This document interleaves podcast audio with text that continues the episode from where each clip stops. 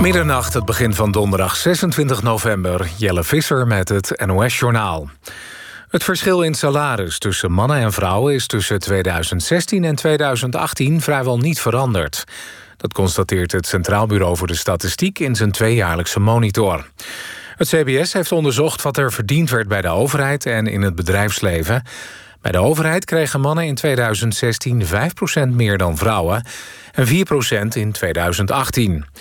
Bij het bedrijfsleven bleef de verschil 7% Volgens het CBS neemt het verschil dus af, maar als deze trend zich voortzet, duurt het nog 25 jaar voordat het verschil verdwenen is. Bij een brand in een flatgebouw in Capelle aan de IJssel zijn gisteravond twee mensen gewond geraakt, van wie eentje ernstig. Ze zijn naar het ziekenhuis gebracht. Twee anderen werden ter plekke behandeld door ambulancepersoneel. Een hond uit de flat heeft de brand niet overleefd... ondanks reanimatiepogingen door de brandweer. Een woning op de eerste verdieping is helemaal uitgebrand. De oorzaak is niet duidelijk. In het complex zitten seniorenappartementen. De brandweer gaat 40 appartementen ventileren. Op Curaçao is opnieuw een record aantal coronabesmettingen. 105 positief geteste mensen op één dag. Er werden 553 mensen getest. Premier Ruggenaat noemt het aantal besmettingen alarmerend... en roept bewoners op zich aan de maatregelen te houden. Het reisadvies van Nederland naar Curaçao is geel. Dat wil zeggen dat reizigers op moeten letten... maar bij terugkeer niet tien dagen in thuisquarantaine hoeven. En dan voetbal. In de Champions League heeft Ajax vanavond in de Johan Cruijff Arena... met 3-1 gewonnen van de Deense kampioen Midtjylland. Neres, Mazraoui en Gravenberg scoorden namens de Amsterdammers. De Deense spits Mabiel scoorde na een strafschop. Beide ploegen speelden met rouwbanden en hielden een minuut stilte... om de overleden Diego Maradona te herdenken. En dan het weer vanuit het westen regen. De temperatuur ligt vannacht rond een graad of acht. Morgen bewolkt met in het westen en noorden wat regen. In het zuiden is het droog en schijnt de zon. Het wordt morgen maximaal zo'n 10 graden. Dit was het NOS Journaal. NPO Radio 1. VPRO. Nooit meer slapen.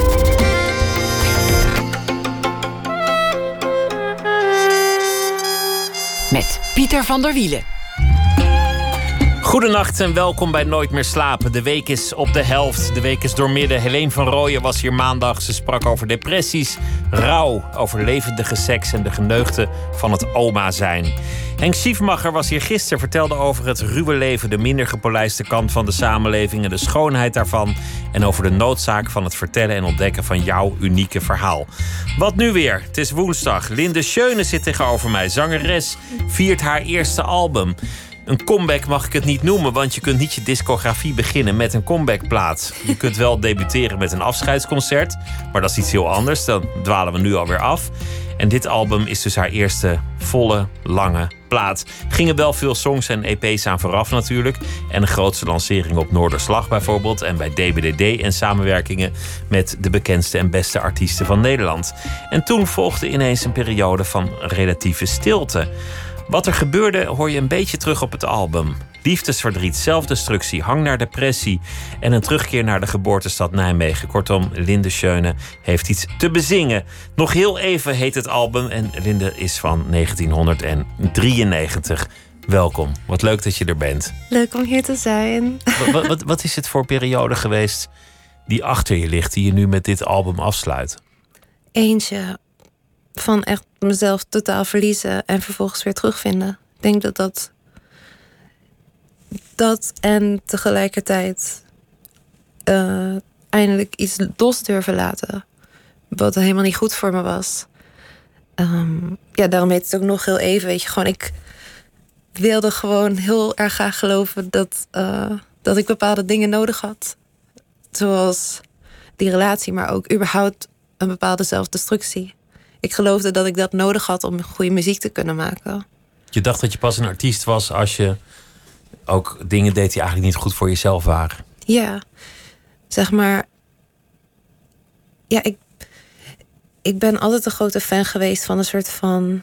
Weet toch, de, de grote rock en roll verhalen. En ik romantiseerde dat altijd heel erg. Dus ik denk dat stiekem wat, wat die relatie was, dat dat eigenlijk was wat ik heel graag wou. Weet je wel, dat hele ja, samen, samen het land rondtoeren en, en al die gekke shit. En gewoon de ruzies en, en de, de pieken en de dalen. En überhaupt dat leven. Dat ik dat ja, ik romantiseerde alles. En om dat los te laten was gewoon heel eng, omdat het gewoon. Ja, het is niet één ding wat je loslaat. Je, je laat gewoon een hele kant van jezelf los. Je laat een heel ideaalbeeld los. En ja, daar gaat dat album eigenlijk voor mij over. Het was, het was daarvoor een periode. Je noemt al de relatie. Dat hing heel erg samen met de muziek, want jullie, jullie werkten samen. Gelanceerd worden, op het schild gehezen worden. Ineens een, een publiek hebben, fans hebben. Ehm, een enorme belofte die ook, ook een beetje op je schouders drukt. Ja. Als, je, als je het talent van het jaar of de grote nieuwe belofte van Nederland wordt genoemd, dan kan ik me voorstellen dat het ook intimiderend is in een bepaald opzicht. Ja, zeker. En gewoon. ehm, ja, het, het ging gewoon zo snel en tegelijkertijd. ehm, ja, er gebeurde gewoon achter de schermen van alles, waardoor ik er ook niet echt van kon genieten. Je was niet gelukkig intussen. Nee, totaal niet. En het was gewoon. Ik voelde me gewoon een soort van fraudeur, omdat zeg maar het imago wat ik had was van een soort van hele sterke, jonge, onafhankelijke vrouw. Terwijl dan kwam ik thuis en ik kon gewoon niet in de spiegel kijken. Gewoon letterlijk. Gewoon, ik kon mezelf niet aankijken. Je kon niet naar jezelf kijken. Nee, ik Wat- vond mezelf zo lelijk. Ik vond mezelf echt een varken.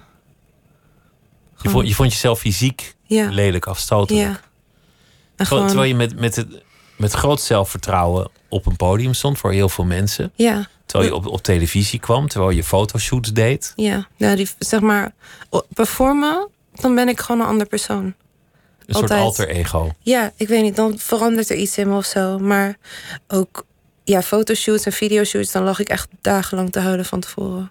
Gewoon vond ik vreselijk. Gewoon, Dat is bijna een dubbel leven, zoals je inderdaad zegt. ja, gewoon, eh, ja, en het, het- zeg maar, het was gewoon zo raar, omdat ik had er zo lang naartoe gewerkt. Naar, zeg maar, dat moment, een soort van die doorbraak. En ik weet nog dat die eerste video online kwam en ehm, dat ik echt dacht van ja, wat zullen ze van muziek gaan vinden en zo. En het ging alleen maar over mijn uiterlijk. Gewoon, bijna. Of wat, wat voor reacties waren dat dan? Over, over je uiterlijk positief of, of negatief? Of? Nee, gewoon eigenlijk alleen maar negatief over dat ik te dik was. En of dat, zeg maar, of bij de wilderheid door van, van ja, ze, wat denkt ze wel niet dat ze dat aantrekt met dat figuur, weet je, echt dat soort dingen. Gewoon. En ik, ik dacht dat ik bepaalde shit verwerkt had van vroeger, zeg maar. Want ik was altijd soort van het dikke meisje van de klas, maar dat kwam gewoon stiekem zo hard naar boven, maar dat kon ik ook niet echt toegeven. En dan, ja, in die tijd, zeg maar, begonnen ook, begon zeg maar het hele ding van influencers die muziek maakten, die natuurlijk perfect uitzagen en een soort van veel sneller gingen. En eh, ja, ik, het was zo toxic in mijn hoofd in die tijd van, Dus aan de ene kant ben je de grote muzikale belofte. Op het podium straal je zelfvertrouwen uit. ja, Zelfverzekerdheid, trots. ja, Zodra het voorbij is, dan komt die andere kant naar boven. mhm, Durf je niet naar jezelf te kijken. ja. En intussen is er ergens ook het gevoel dat je wordt ingehaald door, Ja. door, door allemaal. eh, Door mensen die weer nieuwer zijn. door, door, door, ja, door de nieuwe kleur blauw. Door, Ja. jong, door jonge blommen met, met een paar maten minder die, eh, die Ja. misschien muzikaal niet hetzelfde talent hebben, maar dat, dat hoorde jij niet. Als dat waren er ook, zeg maar. Ik wil, er zitten er ook bij die ook nog eens muzikaal soort van. Ja, iedereen weet je, op iets. ja, die soort van. eh, ja, vijf à tien jaar jonger zijn dan ik. En veel verder zijn dan dat ik toen was. En dat is gewoon. En dunner en zo. En gewoon. eh, het is allemaal zo intimiderend als je. Ja, dus niet zeker bent van jezelf. Hoe deed je dat dan? Hoe, hoe wist je jezelf op te pep om dat podium op te gaan? Ehm, ja, een tijd lang ging het eigenlijk wel gewoon nog goed. Maar het werd gewoon steeds erger. Dus in die tijd wer- werden het aantal shows ook minder. Maar dan gewoon... Ja, dan die hele dag lag ik echt van op bed van... ik wil niet, ik wil niet, ik wil gewoon verdwijnen, ik wil verdwijnen. En dan uiteindelijk wist ik mezelf nog van genoeg bij elkaar te rapen... om daarheen te gaan en dan ik weet nog dat ik één show had. Dat was mijn eerste bandshow. En dat mensen na afloop echt naar me toe kwamen van... wauw, dat was zo vet. En we moesten allemaal huilen en dit. En ik had echt maar de helft ervan meegekregen. Gewoon, ik was helemaal niet meer daar. Gewoon, ik was... Ik, ja, het was echt... Ja, het was lijp. Je hebt het niet bewust meegemaakt. En, Nee. en wat gebeurde er in, in die fases van zelfdestructie? Wat, wat, wat deed je dan? Ja, gewoon heel veel drinken. Gewoon... Letterlijk jezelf te gronden werken. Ja.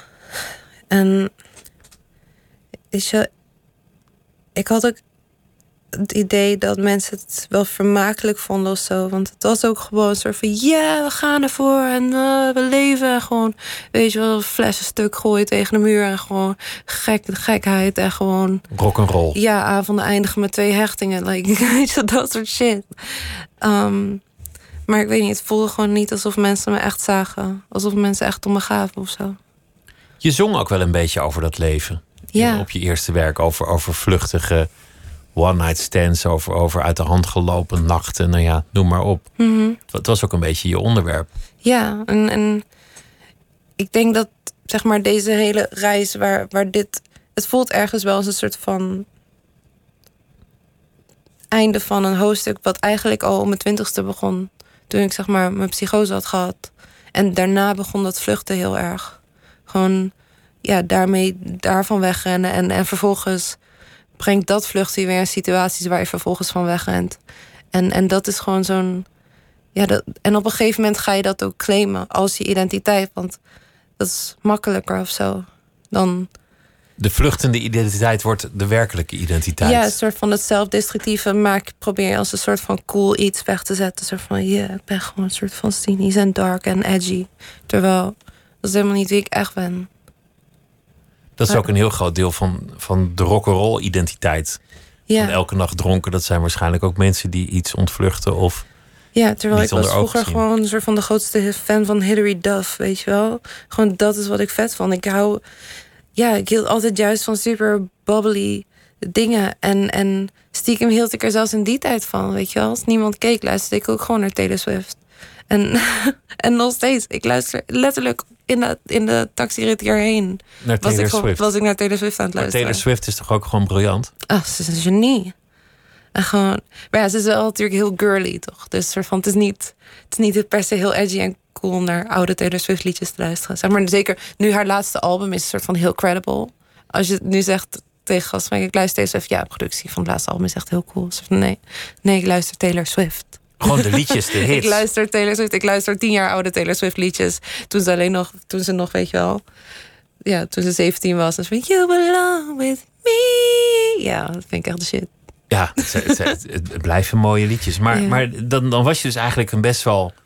Ja, ik weet niet hoe ik dat dan precies op jouw persoonlijkheid moet projecteren. Maar een best wel rustig meisje of een, een braaf meisje. Oh nee, niet, niet braaf, maar meer een soort van gewoon bubbly. En gewoon. Ja, Wat, wat is dat precies? ja, gewoon heel erg springerig juist. En een soort van een beetje theatraal. En, en ik hield altijd wel heel erg van, van optreden al. En, en, ehm, maar ik was juist heel optimistisch altijd. En, en heel naïef. Gewoon heel vertrouwend. Hoe, hoe kwam die psychose? Waar, waar kwam dat eigenlijk vandaan? Heb, heb je daar een theorie over? Hoe, dat jou kon gebeuren? Ehm, maar achteraf denk ik wel van. Ik was altijd wel, wel heel erg overdramatisch. Zeg maar, als het regende en ik zat op de fiets, dan begon ik wel een soort van. ging ik hele dramatische muziek luisteren en wou ik eigenlijk gewoon huilen. En zeg maar. ehm, dus achteraf denk ik van, oh ja, ja. Gewoon, er zat altijd wel een soort bipolair randje aan hoe ik was vroeger. Ehm, maar toen, toen ik twintig was, had ik zeg maar was ik voor het eerst single en volwassen. En toen was ik ook best wel veel aan het blowen. En dat triggerde bij mij ook gewoon iets. Ehm, en het was gewoon ja, een standaard combinatie van heel veel drugs, weinig slapen, heel veel prikkels. Gewoon, we gingen echt. Ja, ik had toen in die tijd een beste vriendin en wij gingen echt. Weet je, dan begonnen we dat weekend uit in Amsterdam. En dan waren er ineens gasten met kaartjes over voor Solar. En toen gingen we met hun mee. En dan, weet je wel, gewoon het was gewoon gekkenhuis. En ja, binnen no time was ik psychotisch. Want, want met jouw brein ging dat eigenlijk helemaal niet goed. Nee, Dat, ik dat permanente verdoven en, en vluchten en Ja. wakker zijn. Nou, ik kan, ik kan op zich drugs doen, maar niks waarvan ik meer ga nadenken. Als ik minder ga nadenken, dat kan ik zeg maar hebben, een beetje. Dat is wel lachen. Ehm, maar als ik. Mijn hoofd is gewoon heel erg open. Weet je, daar komt ook die creativiteit vandaan. En zeg maar drugs zoals, weet je wel, blow, maar ook LSD en, en padders en zo, die maken je hoofd meer open. Maar voor, bij mij gaat dat dan over een bepaalde grens heen, waarbij gewoon luikjes worden geopend die gewoon dicht zouden moeten blijven. Dan komt de gekte eigenlijk binnen. Ja, dat, ja. En, en wat was het voor psychose? Wat, wat weet je daar nog van? Heb je herinneringen aan de tijd dat je, dat je daarin zat? Um, jawel, dat is wel lijp. Ik had, nou, ik had wel zeg maar de leuke psychose. Ik had een manische. Dus, dan denk, dus ik dacht dat ik Jezus was en met Freddie Mercury kon praten en zo. En dat ik Pocahontas was om een van de reden. Ja. Ja, het was wel lachen. Jij was Jezus en je kon praten met Freddie, Freddie Mercury? Ja. ja. Wat, wat, waar, waar had je het dan over? Um, uh, dat weet ik niet meer precies. ik moet zeggen dat ik ook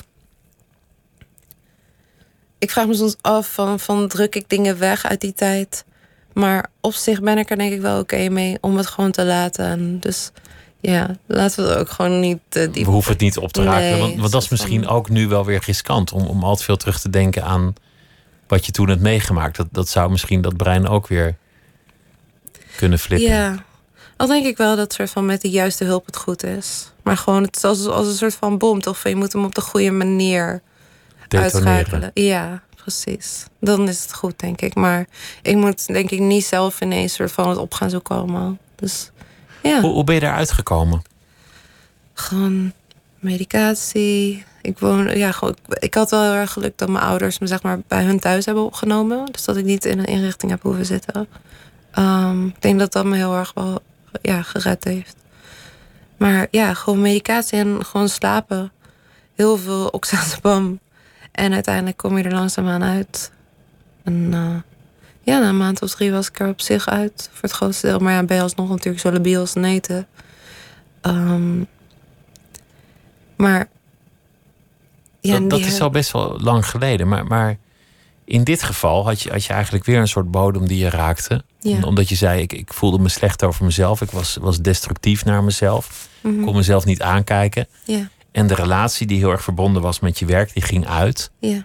Ik had eigenlijk die, die titel van nog heel even zo geïnterpreteerd dat het, dat het uit is met iemand. Maar dat je denkt, nou, nog, nog, één, nog één keer, nog heel even, omdat het Ja. zo vertrouwd voelt. Mhm. Omdat je eigenlijk ook gewoon verslaafd bent aan elkaar. Ja, nee, dat, dat was het ook. Zeg maar, ehm, die titel. eh, ik wist gewoon, ik was al, zeg maar. We hadden wel ideeën van hoe zou het album kunnen heten. Maar ik had het zoiets van ja, het komt wel wanneer ik gewoon. Op een gegeven moment ga ik het gewoon weten. En, ehm, weet je wel, en toen hebte ik mijn toenmalige ENR David, Koster, David Koster van. eh, het gaat, ik weet de titel, het heet nog heel even. En hij zo, oké, cool, maar waarom? En toen heb ik dus in 10 minuten tijd gewoon die hele tekst van wat nog heel even heette zou worden. Ehm, toen was het nog vijf coupletten. Uiteindelijk hebben we de laatste geschrapt. Ehm, ja, dus dat legt dat deel eigenlijk wel uit. En Over de moeilijkheid van het loskomen. ja, en ook dus hoe het. ehm, hoe het dus ook eerst was van nog heel even en dan komt het goed. En uiteindelijk meer was van nog heel even en dan is het klaar. En het laatste couplet was oorspronkelijk dus van... ehm, herinneringen vliegen langs als liedjes in mijn oren. Ineens zie ik jouw beste kanten weer als nooit tevoren. Maar misschien lieten wij het verleden niet los... omdat we in die van elkaar horen. Ik blijf vasthouden aan de fantasie. Oh nee, ik moet afscheid nemen van de fantasie... over wat wij zouden worden. Maar ik hou vast, nog heel even. Dus dat, ja, dus het gaat echt over het, het gaat over het loslaten uiteindelijk. Ehm, en in de basis gaat dat album over die relatie, maar voor mij gaat het dus over meer dan dat. Van, Het gaat over een beeld dat je had van hoe het zou zijn om artiest te zijn en wie jij zou moeten zijn. Ja, En over het loslaten van destructief gedrag. ja, Het, het is een heel emotioneel album op sommige momenten. ja, En, en het klinkt ook zoals je het zingt alsof je er middenin zit op dat moment. mhm, dat is ook zo.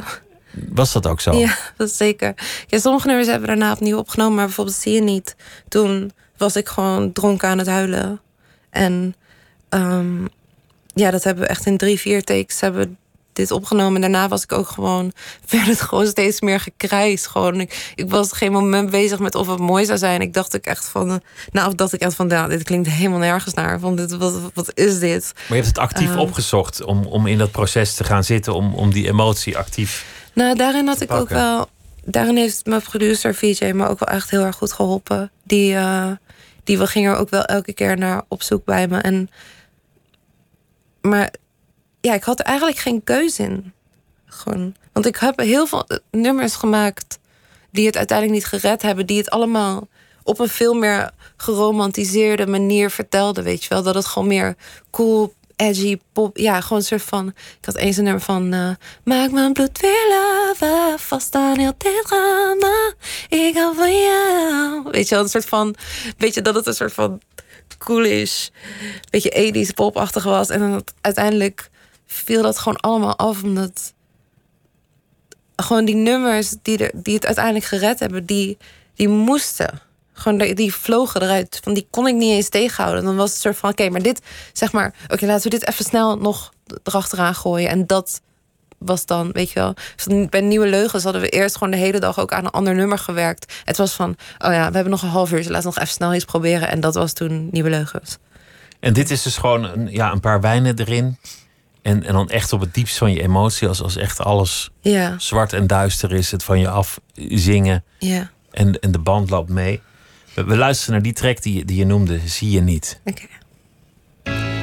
Ik vind er ook mooi. Liegen kon ik toch nooit tegen jou. Niet tegen jou. Ik snap het ook hoor. Ik ben zo'n gestoorde vrouw. Tegen jou.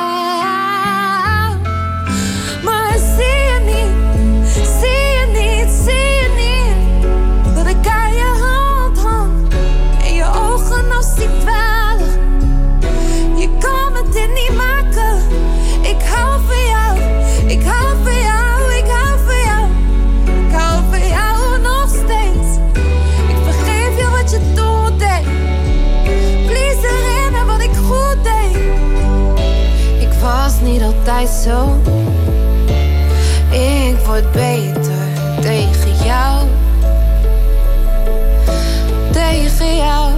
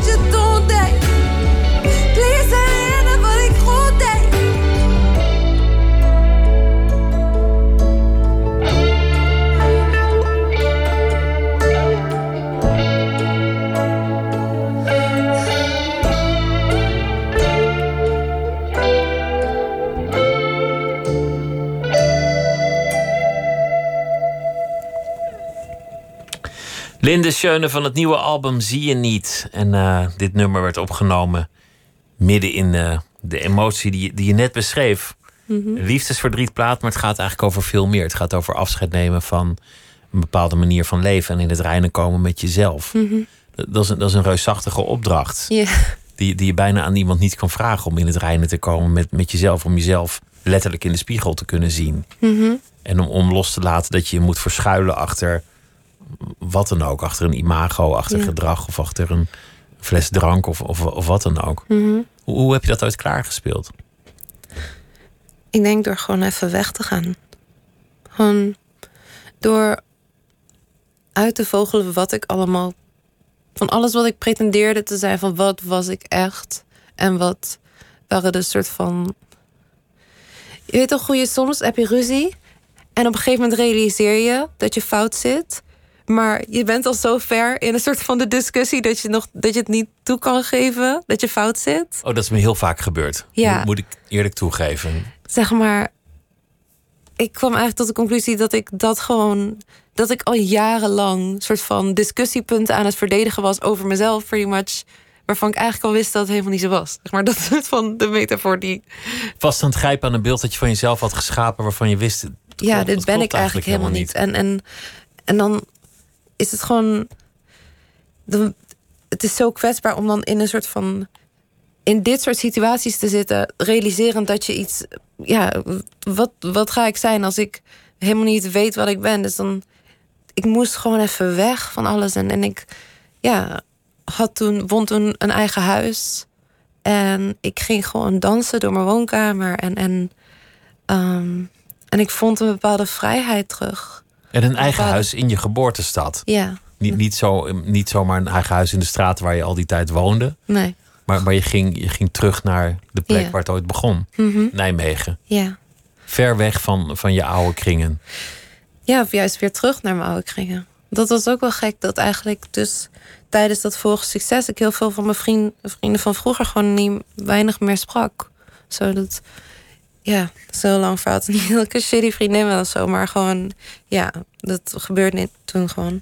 Ehm, maar, dus ik kreeg weer veel contact met mensen gewoon die van, van voor die hele tijd. En dat herinnerde me ook aan wie ik daadwerkelijk ben. En dat ik gewoon, ja. Want je hing in andere kringen rond. Ook een beetje in de muziekomgeving. was- Ja, het, Ja. het was in Amsterdam elke avond feest, elke nacht bal. ja. En, en elke dag een kater. I guess, ja. Nou, ja, niet zo, zo in, maar ik bedoel, het kwam aardig bij in de buurt. en ja, en het was ook gewoon dat als we gingen, gingen we hard. En ja, achteraf snap ik echt niet hoe ik die shit heb volgehouden. Maar in elk geval, toen ik terugkwam, ik realiseerde me dat gewoon echt minstens 90% was gewoon onzin. Het was gewoon een grote stapel leugens. En, en ik moest echt vanaf die 5%, weet je, die gewoon. Ja. Ze zeggen wel eens van wie jij bent, is dat door elke fase die je heen gaat, er zijn bepaalde dingen die er altijd in blijven zitten. Gewoon in welke vorm je ook zit. En ik ging, ik ging weer echt terug naar die punten. Dus gewoon de ik die, die gewoon houdt van liedjes maken en die houdt van koken en houdt van dansen en, en gewoon houdt van heel lang praten. En- die niet per Ehm. se iets hoeft na te streven of iemand hoeft te zijn of iets, iets na te leven. En die gewoon vrolijk is. Gewoon. Om een van de reden vond ik het zo moeilijk om toe te geven dat ik gewoon vrolijk wilde zijn. Dat ik gewoon eigenlijk dus. Ja, De- Dus Dat- de duisternis had een soort aantrekkingskracht, zou je kunnen zeggen. Dat een soort, soort donker imago van, van, van ruwheid, zwartgalligheid. ja. En het is nog steeds leuk voor af en toe, maar in het algemeen vind ik het gewoon heel leuk om, weet je wel, naar de markt te gaan elke week. En dat ik die mensen bij naam ken. En dat we dan praten over hoe onze week was. En dat ik dan vraag, hoe zijn de appels deze week? En dat de Mark allemaal zegt, nou, ik zou het niet doen. Weet je wel, dat, dat is gewoon leven, man. Ik, ja, Veel groter hoeft het eigenlijk ook niet, niet te nee, worden. gewoon, Hoe, hoe ga je daar nu mee om met, met de commentaren die je krijgt als je als vrouw, meer nog dan als man, in het centrum van de aandacht komt? ja, Mensen hebben niet altijd door dat je het leest, of het kan ze misschien niet eens schelen. ja, En, en die gaan dan over jouw lichaam commentaar geven, of over je uiterlijk, of o- wat, wat maar in ze opkomt. mhm, Vaak vrij vernietigend. ja. En als je al niet heel zeker van jezelf bent, dan kan, dat, kan het echt ontzettend destructief zijn. En het, het is ontzettend moeilijk om mee om te gaan. mhm, Zeker, zeker als je ook jong bent. ja. Hoe, hoe ga je daarmee om? Hoe, hoe ben je daarmee in het reinen gekomen? Ik bedoel, ik kan hier nu wel gaan zitten en doen alsof ik daarin compleet gefixt ben. Maar ik struggle daar nog steeds mee. En ehm, Het komt bij jou hard binnen als iemand iets rottig zegt over je uiterlijk of over, het, het is nog steeds, zeg maar, het, is gewoon, het gaat veel beter. Want ik vind mezelf oprecht mooi nu. En ik sport veel, wat gewoon ook helpt dat ik gewoon mentaal gezond ben. Dat ik het beter aan kan. Hoe ben je daar gekomen dat, dat je jezelf mooi hebt leren vinden? Hoe heb je dat gedaan? Ehm, wel, het hielp om mijn relatie te beëindigen. Want, want daar had het iets mee te maken met dat die relatie niet positief voor je was. Ja, dat. En door te stoppen met muziek, dat hielp ook. Gewoon. ehm, en dat zeg maar. Hiervoor afvallen was, ik begon uit zo'n basis van, ugh, ik haat mijn lichaam. Ik wilde dat het minder wordt. En nu kwam het meer vanuit de plek van, ik hou van mijn lichaam en ik wil er goed voor zorgen. Ik wil alleen maar dingen in mijn lichaam stoppen die mijn lichaam leuk vindt. Weet je wel? Van hier, groente. Doe er wel leuks mee. En dat mijn lichaam ook. Van, ik merk het echt. Als ik twee Je dagen. bent gezond gaan leven, maar niet uit een soort dwang om slank te zijn of wat dan ook, maar om, omdat het gewoon Ja, een, een daad van zelfliefde is. Ja Voor wel meer. Gewoon, en ik heb het ook nodig, weet je wel. Ik, re- ik heb me inmiddels ook wel gewoon gerealiseerd dat ik, een ik heb een bipolaire stoornis. En die ga ik voor altijd hebben. En daar ga ik voor altijd voor moeten zorgen, weet je, als een soort van. Als een soort van heg die ik ga moeten blijven snoeien, zodat hij niet de boel overneemt. En, en sporten en, en gezond eten en genoeg slapen, dat, helpt, dat is gewoon een soort van heggenschaar. Heggenscharen zijn dat die gewoon eh, ja, helpen daarin. Je hebt discipline nodig om niet te ontsporen of om, om, Ja. om je brein in de goede staat te houden. Zeker. En, en het is gewoon heel fijn dat zeg maar een eh, ja, gewoon gespierde body daar een prettige bijkomstigheid van is. Ehm, maar ja, nee, ik, ik, ik ben er nu, zeker deze week, weet je wel, dan. Het is eigenlijk voor het eerst sinds ik ben gestopt dat ik er weer echt in zit. Dat ik echt merk dat, dat mensen naar je kijken. En dan lees je ook wel weer dingen. En ik, ik schrik wel van hoeveel het me nog steeds doet. Maar ik weet ook dat ik denk. Tenminste, ik denk dat dat over een week alweer minder is. En dat ik nu wel een soort van mijn weg eruit weet. En gewoon. eh, ik. Ja, in nu. Het, weet toch, met zo'n telefoon of zo. Het, het, zit er de he- het kan er de hele tijd zijn. Maar het kan Je de hele tijd in je je, telefoon aanzetten Ja. en, en iets zien dat iemand over je zegt. Precies, ik moet mezelf gewoon weer even trainen dat als ik gewoon, als ik niet hier ben, dat ik dan ook echt niet hier ben. Zeg maar. Als, in, als ik niet in het wereldje zit, als ik niet met mijn werk bezig hoef te zijn, dat ik er dan ook echt niet mee bezig hoef te zijn. Gewoon, eh, maar dat is, dat is nog even trainen. Maar ik, ik heb wel het gevoel van, ik sta er een heel stuk sterker in dan, weet je wel, vier jaar geleden. Ik denk ook altijd als iemand zo'n rottig bericht stuurt naar iemand, dan, dan heeft hij vast niet net de liefde van zijn leven ontmoet. Of dan is hij niet aan zijn, aan zijn meesterwerk aan het typen. Of dan heeft hij niet net eh, het wereldrecord handballen gebroken. Ja, en maar ik denk ook, kijk, ik vind soms zeg maar een soort van roddelen over bekendheden ook wel lachen of zo. Een soort van ja, gewoon weet je, soms, het is ook gewoon grappig. En ik snap ook wel dat, dat ze mij niet zien als mens. Weet je wel, ik vind het Ze hebben niet door dat jij dat leest en dat het jou raakt. ja, ik bedoel, ik, vind, ik vond het ook gelachen toen zeg maar, weet je toch, Jolante vreemd ging met Wesley terwijl ze met Jan Smit had. Terwijl dat voor hun natuurlijk een vreselijke situatie is, was dat het allemaal zo breed werd uitgemeten. En wat ik meemaak is niks vergelijkt met dat. Maar gewoon, ja, het. Ik, ik denk niet dat, dat mensen het echt op een basis van haat doen, maar meer op een basis van, ja, gewoon. Terloopsheid. Ja, die zijn er gewoon oprecht niet mee bezig. En ehm, het is ook. Het is gewoon aan mij om daarmee te dealen. Want eh, weet je wel, De wereld ga je niet veranderen. Jij moet weerbaar worden op de een of andere manier. ja. Vertel eens over, over, over dat meisje die je was. Bubbly, zei je. En, Ja. en je, je luisterde naar Taylor Swift. En, en je, je groeide op in Nijmegen, de meest linkse stad van Nederland. Mhm.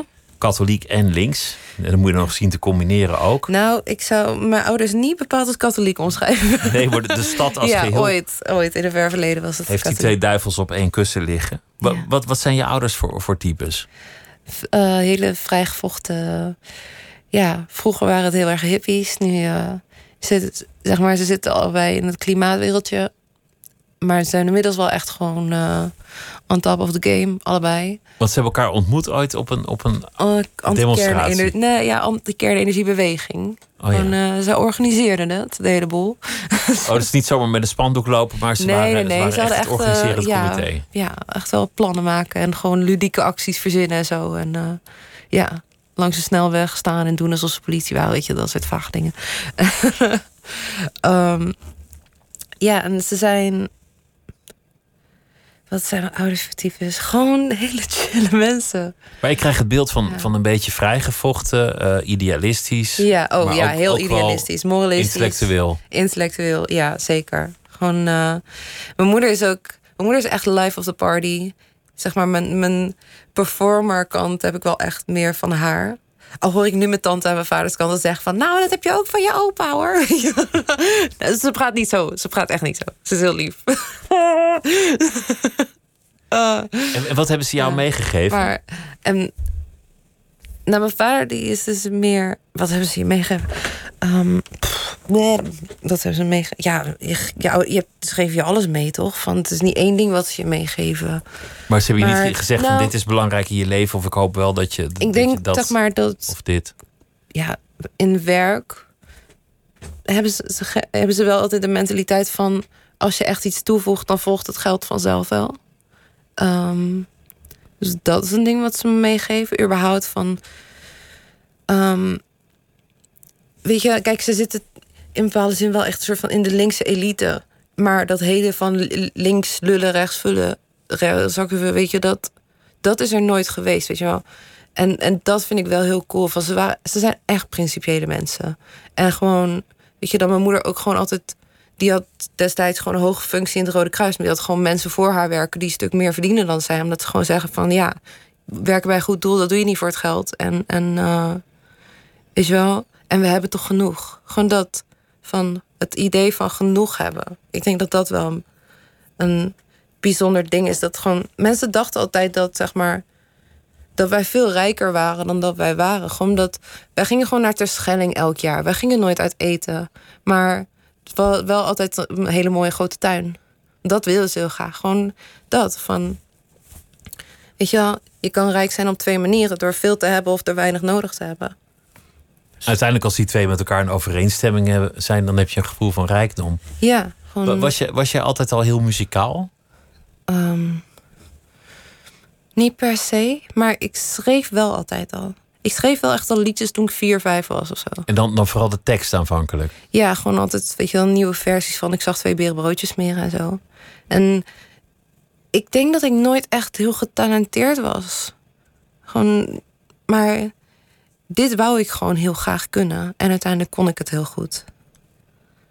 wanneer ging je voor het eerst dingen opvoeren? Wanneer heb je voor het eerst op een podium gestaan? Ik denk toen ik zes was. Zo jong al? Ja, altijd al. Gewoon, mijn moeder zei dat de eerste keer dat ik een podium zag, dat ik er gewoon meteen naartoe rende. Gewoon dat ik, dat ik echt, volgens mij was ik toen zelfs vier of zo. Dat ik toen ook al tegen me, gewoon echt als, als kleuter al tegen mijn oma zei van ik word later beroemde zangeres. Gewoon... Daar heb je nooit aan getwijfeld. Dat was altijd de missie. Ik denk dat dat echt een van mijn grootste luxes is geweest. Dat ik gewoon altijd al wist dat dit was wat ik moest doen. Toen je, toen je op de academie kwam, de, de Herman Brood Academie heb je gezeten, nog een paar opleidingen. Mhm. Hoe was het daar? Want dan kom je op een plek waar iedereen talent heeft of denkt te hebben. En waar iedereen ambitie heeft op dat vlak. Ja. Um, ik was wel competitief. Ik had ook niet zo heel veel vrienden daar. Mensen zeiden ook over me van... Waarom is ze zo goed muzikaal, maar zo gewoon onuitstaanbaar als persoon? Dat vonden ze van jou? Ja. Nou, ik denk ook wel dat ze een punt hadden. Zeker voor mijn psychose. Die psychose was wel echt een gewoon big slice of humble pie... die ik wel echt nodig had achteraf gezien. Um, Want je was druk en... Ja, en gewoon... Aanwezig. En eigenlijk ook gewoon heel erg bedweterig. En gewoon een soort van stiekem, ja, had ik toch wel iets elitairs of zo. Maar dat had ik zelf niet door. Maar gewoon, uh, ja. En ik kwam daar ook gewoon met een soort van VWO-houding naar.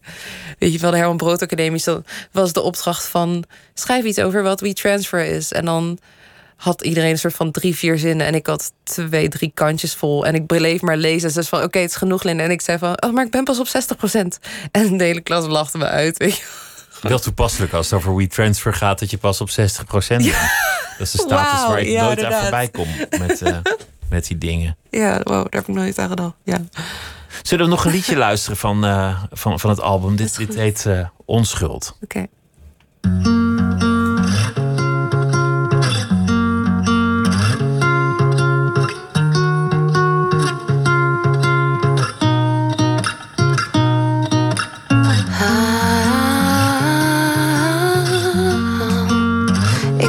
verdwijnen en ik deed. Nu ben ik liever aanwezig, ja.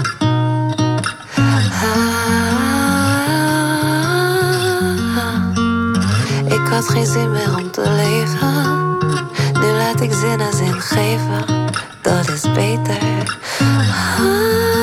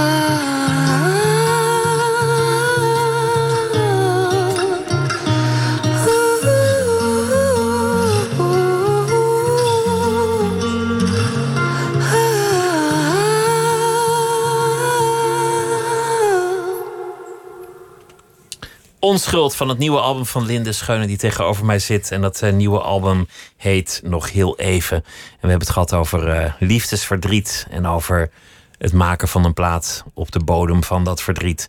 Dronken, vol in de emotie en het dan inzingen. En het toch nog zuiver weten te houden. Wat een prestatie is. en we hebben het ook gehad over het zelfbeeld, zelfdestructie. Over niet jezelf in de spiegel kunnen zien. Terwijl je een publiek figuur bent. Vervreemden van het imago dat je van jezelf dacht te hebben. Dat je dacht te moeten hebben om rock'n'roll te kunnen zijn. En zo geleidelijk onwaarachtig te zijn op het podium. Terwijl mensen jou omarmen als een soort icoon van zelfverzekerdheid. Lig je de dag na het optreden in bed. Of de dag ervoor op bed. Omdat je gewoon het podium niet meer op wil.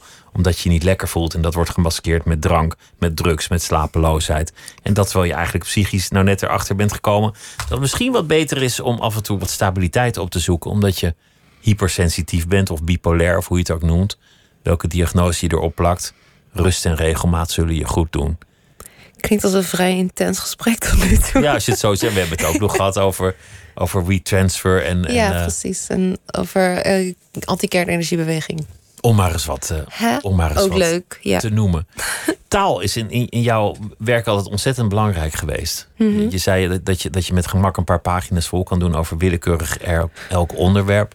Als het nodig is. Mhm. Eerder dit jaar maakte je een, een, een soort spotje of een liedje. Dat, dat had te maken met, met de COVID-epidemie. Mhm. En, en toen had je een zinnetje gebruikt uit die eindeloze persconferenties van, eh, Oh ja. van Rutte en de Jonge. Welk, welk zinnetje was dat? Eh, dat was de eerste, wel de iconic, zeg maar het, de toespraak, toch? Van let een beetje op elkaar. Let een beetje op elkaar. Ja. Waar- waarom springt zo'n zinnetje er dan meteen Nou, ik, Uit. ik moet wel daarbij produ eh, mijn producer VJ credit geven. Want hij kwam eigenlijk met... Hier is een ukulele loop. Eh, doe er iets mee met... Nederland doet het. En gooi die zin van Rutte ergens erin. Ehm, dus ik heb daar toen een beetje omheen gebouwd. En soort van... Ja, die eerste paar weken was denk ik die energie heel erg van... we gaan het doen samen. En, en het is een soort van kneuterig en fijn en cute. En ja, ik was er ook eigenlijk niet zo mee bezig. Ik schreef gewoon even snel iets in een paar minuten. En toen heb ik het opgenomen. En binnen tien minuten stuurde ik het op. En ja, toen was het ineens na drie dagen de hele tijd op tv. Het was echt, ja, was wel even een bizar momentje of zo. Het, het vat op een, op een heel mooie manier de sfeer van dat moment in een liedje. Ja, zeker. Maar het was ook wel heel grappig hoe snel dat momentum keerde. Want de eerste week vond iedereen het een vet leuke reclame. En na een week vond iedereen het super irritant. En na twee, drie weken was die reclame ook nergens meer te horen. Wat ik altijd met Oh. reclames heb, of ik ze leuk vind of niet, dan weet ik eigenlijk helemaal niet waar ze voor zijn. Oh ja. Dus iemand betaalt ervoor en probeert iets te verkopen. Maar ik heb het filmpje gezien, vond het een leuk filmpje. Dacht, oh ja, dat was dat jongetje met die bal. En dan ging die Mhm. huilen. En dan was die opa op het bankje. ja. Maar het is me helemaal, helemaal ontgaan wat ze me proberen te verkopen. Dus Je weet zullen- ook niet voor wie de reclame was. Nee, kan een wasmiddel zijn, kan een koek zijn. Kan... Wa- Waar was deze het, reclame het was een eigenlijk voor een voor? verzekeringsmaatschappij. Oh ja. Maar ik zal niet zeggen welke. Nee, ja, maar het maakt ook niet uit. Ja, drie letters bestaande verzekeringsmaatschappij. Nou, er, kunnen, er kunnen er nog steeds honderd zijn. Ja, dat is goed. Hoe, hoe beginnen jouw teksten? Want, want je kan dus van, van één zinnetje Mhm. een heel verhaal maken. Je, je, je, Ja.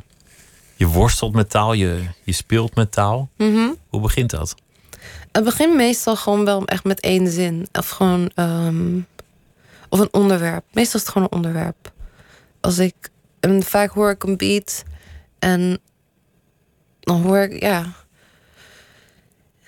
Het is moeilijk uit te leggen. Maar vaak heb ik zeg maar eerst gewoon. Dan hoor ik een beat en dan hoor ik een soort van verhaal of invalshoek. Of ik zie iets voor me. En dan schrijf ik gewoon tekst, tekst, tekst. En daarna, daarna komt een melodie. En dan ga ik die tekst weer helemaal omgooien totdat het past. En ja, dat eigenlijk. en dan tada, liedje. En, maar meestal is het ook dat of het komt meteen, of het vliegt er gewoon uit. Of weet je, of ik loop echt te stroggelen en dan wordt het meestal niet vet. Dus het moet meteen komen en Ja. snel. Je moet het in je hoofd hebben en dan weet je nu, nu heb ik het Ja. te pakken. En ik begin meestal met de pre-chorus om een of andere reden. Ik ben er nog niet helemaal uit over waarom ik dat. Maar je weet wel een pre-chorus is? Dus, dus de opmaat naar het exploderende Ja, refrein. zeg maar. ehm, ja, wat is een goede. Goed idee. Goede. Noem eens een liedje. We are the champions. Want je, je noemde Oh ja. Freddy en Jezus. Ehm, Van wie was die ook? Van, van Freddy, ja. ja, maar die heeft geen pre-chorus. En we go on and on and on. Ja, maar dat is te klein. dat is te zeg klein. maar. pff, laat me even een goed, simpel, helder popliedje. Ehm, Iets van Taylor Swift. iets van Taylor Swift. Taylor zijn- Swift is altijd goed. Dat zijn ideale Ehm, liedjes. ja. Dus je hebt. eh, oh ja.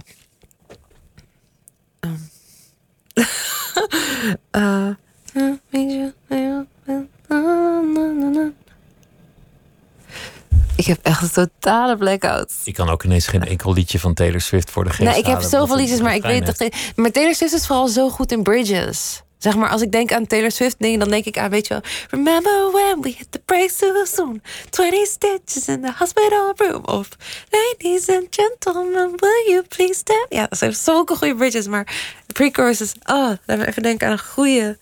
Zeg maar... Een goede pre-chorus, die maakt je zo hype, toch? Dat je soort van... maar daar is dance heel goed in, in, de zin, in bepaalde zin. Want eigenlijk bij dance zijn vaak het refrein is vaak een soort pre-chorus, omdat het zo heel erg opbouwt. En dan is de hoek een soort van een drop. Maar, oh, goede. Ja, nou, ik kan op zich mijn eigen album gebruiken. Ja, ja dat, is, dat is helemaal dicht bij huis. Ja, ehm, Wat dan de eerste zin is die, die in je opkwam. ja oh, bij nu wel bijvoorbeeld. Zeg maar, je hebt dan die. Maar je valt weg. Weg uit mijn hoofd. Ik vind je minder mooi van een afstand. Terwijl die, zeg maar, die, die versie van. "Ah, Wat je niet zou doen. Zeg maar heel dromerig en een soort van zweverig. En dan bij die soort van.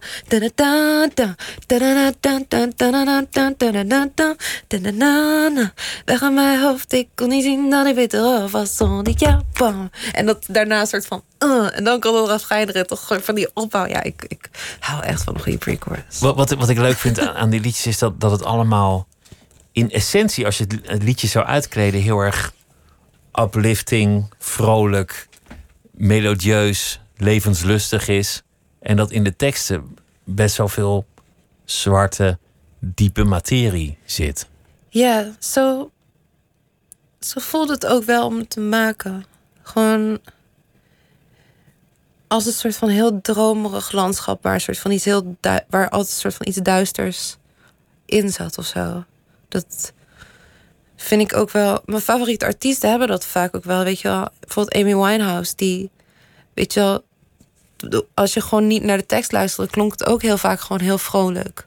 En een soort van Een lekker soul liedje, maar intussen Ja. zingt ze denk maar niet dat ik naar de rehab ga, want eh, ik, ja, een soort van zingt mezelf- over dat er ex eh, terug bij haar in de badkamer zit en dat hij ineens heroïne naalden op de grond ziet liggen, weet je wel, daar letterlijk.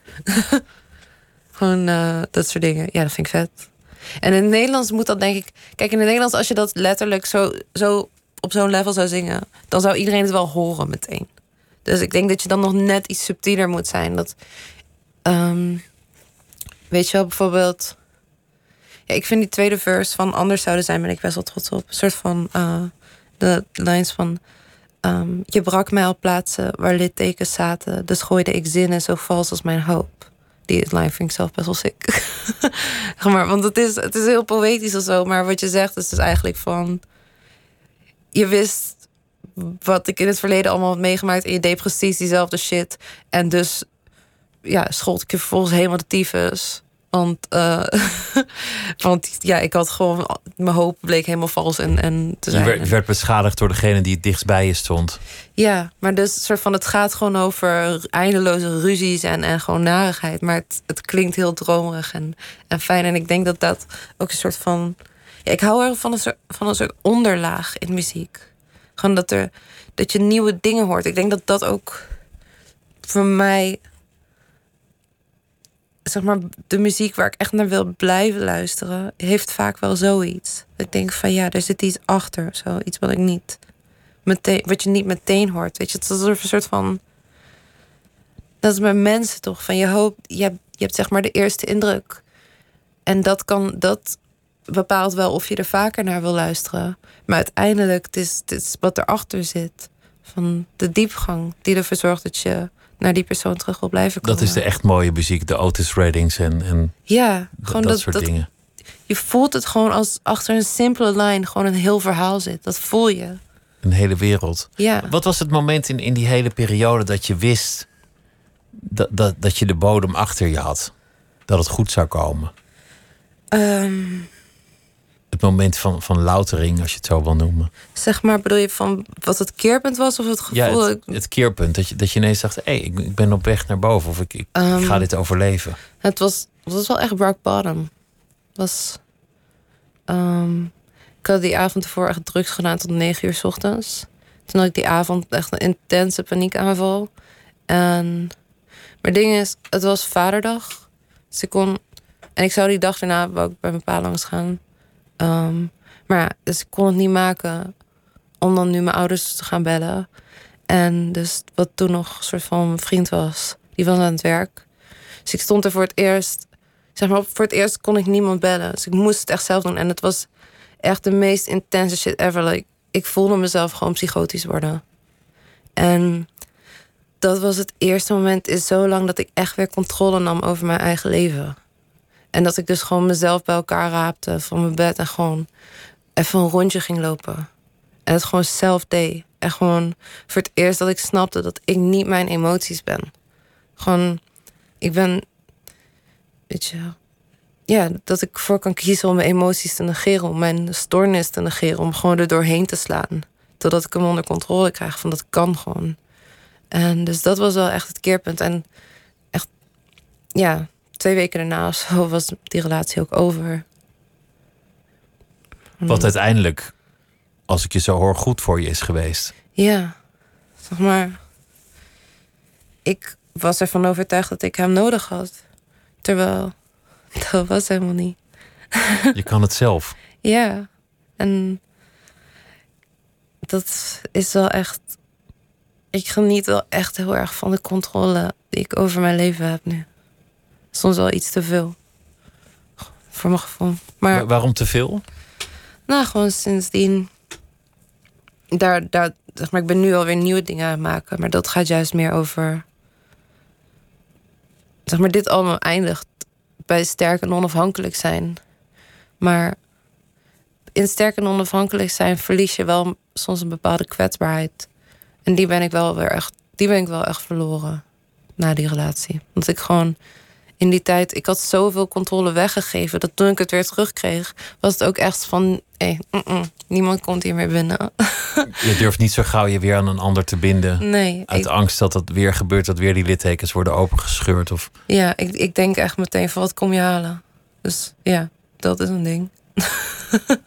maar ja, dat komt. Dat, dus daarom, er is uh, genoeg inspiratie. Ja, dus. Dat gaat wel weer komen. Ja, en ik vind dat ik vind het een interessante zoektocht. En ik, ik ben ook blij dat ik er niet ben. Het zou toch zo saai zijn als je 27 bent en dat je dan gewoon gefixt bent. Gewoon helemaal. Dat je gewoon alles al van klaar. Geen problemen meer. Hoe saai is dat? Dat punt bestaat ook niet helemaal natuurlijk. Nee, hoe, hoe, sta je nu tegenover? Want, want het was natuurlijk ook nog het, het, het jaar van COVID en, en optreden zit er gewoon even Mhm. helemaal niet in. Ja. Maar er gloort wel een beetje hoop aan, aan de horizon. Mhm. Ik, hoorde, ik hoorde Diederik Gommers zeggen dat Lowlands wel door zou gaan in Ja, zijn ik hoorde observatie. het ook. Oh. Hoe- sta je daar tegenover in je, in je huidige staat? Om, om weer het podium op te gaan. En hoe, hoe zou je dat nu Oh, voor je daar zien? kijk ik zo naar uit. Gewoon met mijn band. Dat is, weet je, dat is waarvoor ik terug ben gekomen. Gewoon dat ik weer kan optreden. Dat is wat ik hoor te doen. Er is, zeg maar, het moment in de studio en op het podium. Er is een deel van mezelf wat alleen maar daar tot z'n recht komt. Gewoon nergens anders. En ja, en, en gewoon al die onzin, gewoon dealen met, met inderdaad comments en, en de bullshit. En um, mijn mond voorbij praten tijdens interviews. gewoon, en daar de consequenties uh, mee, moeten dealen. Gewoon, ja, om op, om op een podium te staan en die, die zaal gewoon jouw meest in, intieme woorden mee te horen zingen. Dat is het meest magische wat er bestaat. Daar verlang je naar. Ja. Maar, maar je zei net ook, het was voor mij noodzakelijk om een tijdje te stoppen met muziek. Ja. En, en te stoppen met, met het hele circus eromheen. Ja, maar dat. Het voelt niet als een risicowedstrijd. Nee, omdat dat was juist het pijnlijke. Want dat ik echt dacht van wat is er gebeurd? Dat ik hiermee wil stoppen. Want dit is mijn lust en mijn leven. En eigenlijk, dus toen ik stopte met muziek, kwam het vrijwel meteen weer terug. Want zeg maar, waar ik, waar ik mee stopte, was, was de, de industrie eromheen. En toen kwam muziek weer als gewoon een soort van hobby eerst weer terug. En, en Eerst klein, thuis, liedjes ja, maken. ik kon gewoon weer maken wat ik wou maken. Ik was nergens mee bezig. En ik denk dat daarom dit al... Voor mij klinkt het echt als vrijheid. Weet je wel? Ik bedoel, ik was een soort van edgy R&B-zangeres... en nu maak ik country. Je bent overgestapt ja, van, van een meer hip-hop gerelateerd iets en dan hier naartoe. En, en... Ja, en ik, misschien ga ik hierna alweer RB maken. I don't give a fuck, weet je wel? Gewoon volg me of volg me niet. Ik, ik... Maar je voelde geen enkele druk tijdens het maken. Je was gewoon bezig met wat jij op dat moment wilde maken. Ja. En, en daardoor zeg maar, ik merk wel dat ik moet oppassen dat ik niet erin terugval nu het allemaal weer zo over me heen komt. Maar ik denk dat ik dat kan, zeker doordat ik nu ook die band heb die zo leuk is. Oh, ze zijn zo leuk. Ze zijn allemaal zo leuk. gewoon, uh, ja, maar gewoon met hun te kunnen performen. Dat, dat is gewoon alles wat ik wil doen. En weet je wel, misschien, ik, ik had het er laatst ook over uh, met wel mensen van misschien een soort uh, huiskamerconcert door te doen. Al is het maar voor tien man. Gewoon omdat. Ja, als zou ik het gratis doen, joh. Ik kan mij het schelen. Als je maar weer kan spelen. Gewoon ja, voor mensen. ik vind het gewoon vet. Ik vind het gewoon vet om te zingen voor mensen. Ik vind het vet om liedjes te schrijven voor mensen. En ik vind het vet om te zingen voor mensen. En ik kan het. Ik ben er goed in. Dus weet je wel, laat me het gewoon doen.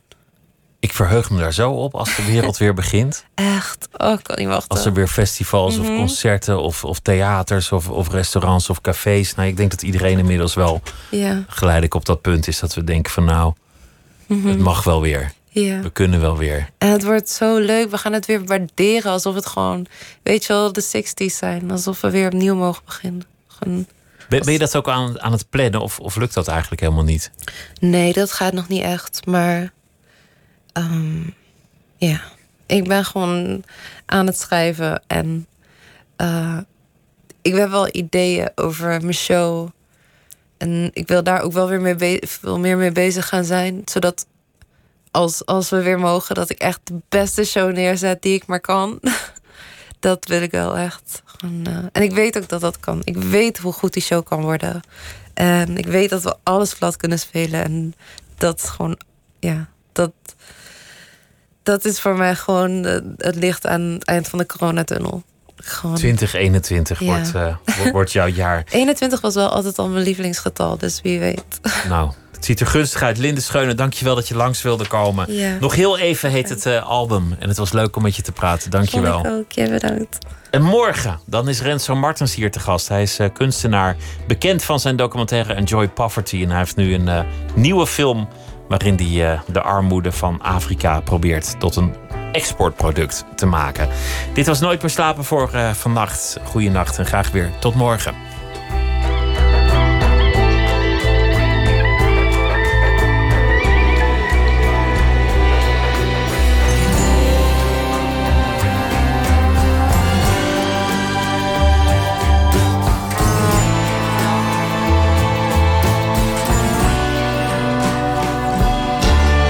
Radio 1. Het nieuws van alle kanten.